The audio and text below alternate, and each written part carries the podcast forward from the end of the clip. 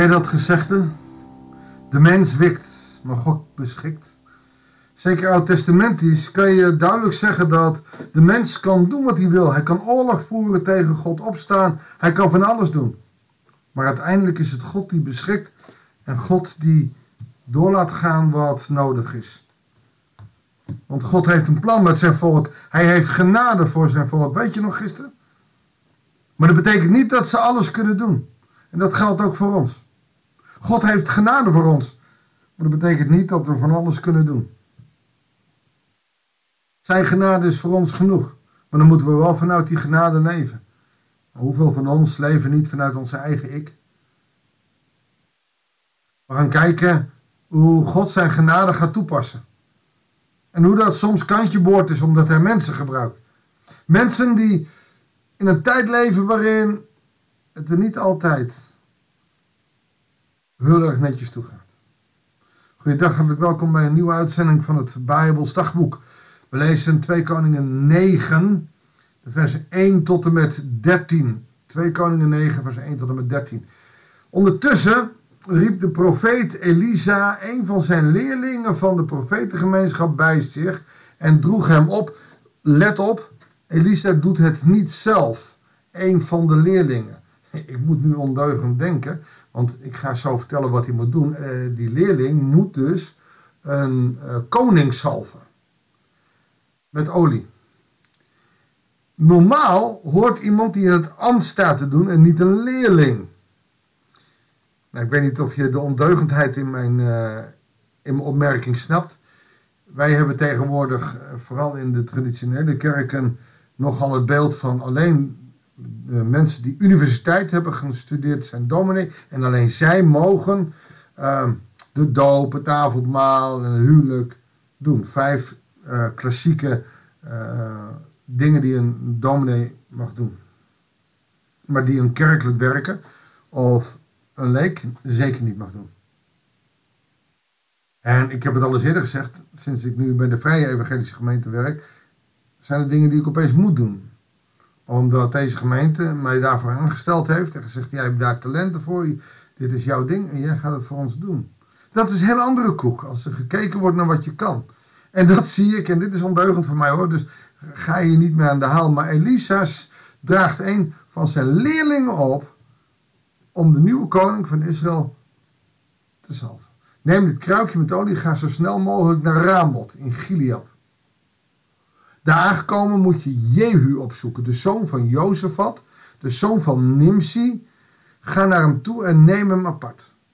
Ga met hem naar een afgezonderd vertrek en giet het kruikje olie over zijn hoofd met, het, eh, met de woorden: Dit zegt de Heer, hierbij zalf ik je tot koning van Israël. Daarna moet je het vertrek verlaten en maken dat je wegkomt. Waarom maken dat je wegkomt? Er kan naijver zijn, jaloezie. Er kunnen mensen zijn die het onzin vinden. Je zal straks ook merken dat er even iets grimmigs gebeurt. Deze jonge profeet, deze leerling, gaat naar Ramat de Gilead. En toen hij daar kwam, zaten de bevelhebbers van het leger bij elkaar. Kan ik u spreken, overste? vroeg hij. Wie van ons wilt u spreken, vroeg Jehu. U, overste, antwoordde hij. Jehu stond op en ging met de jonge profeet mee naar binnen. Hij staat wel op, hij doet het wel. Dat is bijzonder, want de rest moet allemaal niks van de profetentuig hebben. Altijd slecht nieuws daar uit dat kamp. Dat hebben ze natuurlijk geleerd van uh, Agap en van Isabel. Uh, en ze zijn opgestookt om negatief over de profeten te praten. Daarom is het bijzonder dat Jehu, maar waarschijnlijk niet voor niks, uitgekozen wordt om op te staan. Als ze eenmaal in die uh, aparte ruimte zijn, giet de profetenolie, hier wordt hij de profeet genoemd, genoemd, niet meer de leerling, de profeet olie over Jezus hoofd uit en zei, dit zegt de Heer, de God van Israël.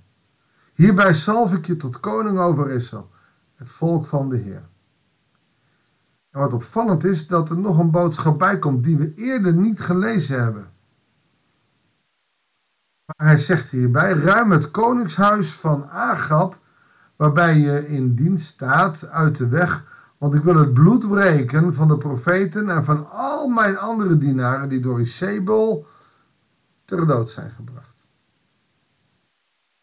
Het is opvallend dat hij in het eerste gedeelte als Elisa, de profeet, instrueert, dat hij dit stukje niet bijzet. Normaal gebeurt het wel. Vind ik bijzonder. Waarom dat is, weet ik niet. Maar goed, de jonge, ehm, nieuwe, verse, gezalfde koning, die hier ongetwijfeld van de rel is gebracht, krijgt ook een hele concrete boodschap: moord het huis van Agap uit. Heel het koninkhuis van Agap zal ten onder gaan. Alle mannelijke leden van zijn familie zal ik uitroeien van hoog tot laag.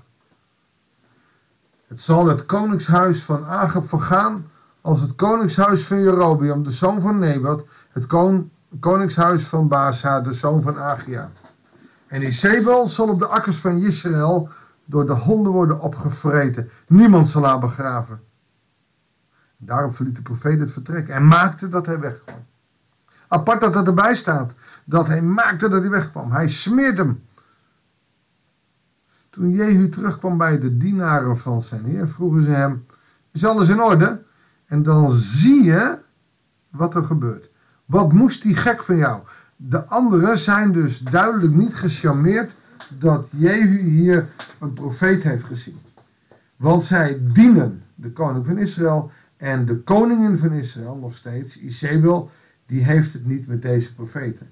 Zij heeft ze alles geprobeerd allemaal uit te roeien. En wel 400 profeten zijn daardoor uh, uitgemoord. En stuk voor stuk ja, zie je dat ze eigenlijk toch naar uh, de koningin proberen te luisteren. En erg negatief zijn over deze profetendienstknecht. En Jehu die is niet meteen van zins om te antwoorden. Dus ze vragen hem, is alles in orde? Wat moest die gek van jou? Ach, waar dan natuurlijk, jullie kennen die luid toch, antwoordde Jehu. Je ziet hem nog een omliggende omgeving te maken, even niet die confrontatie. En dit is precies waarom die profetenknecht weg moest zijn. Want dit kan negatief uitpakken. En dan is er strijd, dan schieten ze elkaar dood en dan heb je de pop aan dansen. Want je ziet ook dat... Uh, dat ze het niet geloven. Maak dat een andere wijs, zeiden ze. Zeg op, wat had hij te vertellen? Want ze weten, als er een profeet komt, is er altijd een doemscenario. Hij heeft mij het volgende gezegd. Dit zegt de Heer, hierbij zalf ik jou tot koning van Israël. Dan is het spannend. Wordt Jehu hier gelinst of gaan ze achter hem staan? En je ziet het grote ongeluk wat ze hebben met Agap en Isabel. Die een ontzettende puinhoop hebben gemaakt van het hele koningshof van het hele land. blijkbaar zijn ze er gevoelig voor. En hebben ze toch ook wel ontzag voor de koning van Israël. Oftewel voor de heer van de koning van Israël. Want ogenblikkelijk deden ze allemaal hun mantels af. Spreidden die voor hem op als een loper voor de traptreden. En toen bliezen ze op de ramshoorn en riepen. Jehu is koning. Kijk, dat je zo makkelijk tot koning kan worden gemaakt. Maar er klopt nog iets niet. Er is een koning van Israël die is gewond geraakt. En die is naar Israël. En nou heb je twee koningen. En je moet één ding goed weten. Jehu is de koning van door God gezalfd. En de anderen zijn opvolgers van die afschuwelijke koningen. En God wil er een punt achter zetten.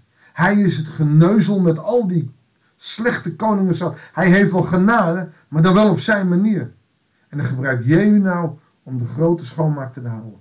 En zo is God ook het helemaal zat met de wereld. En daarom heeft hij zijn zoon gegeven.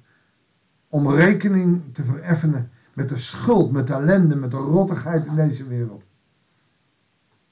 Toch zijn er maar heel weinig mensen die deze koning Jezus volgen.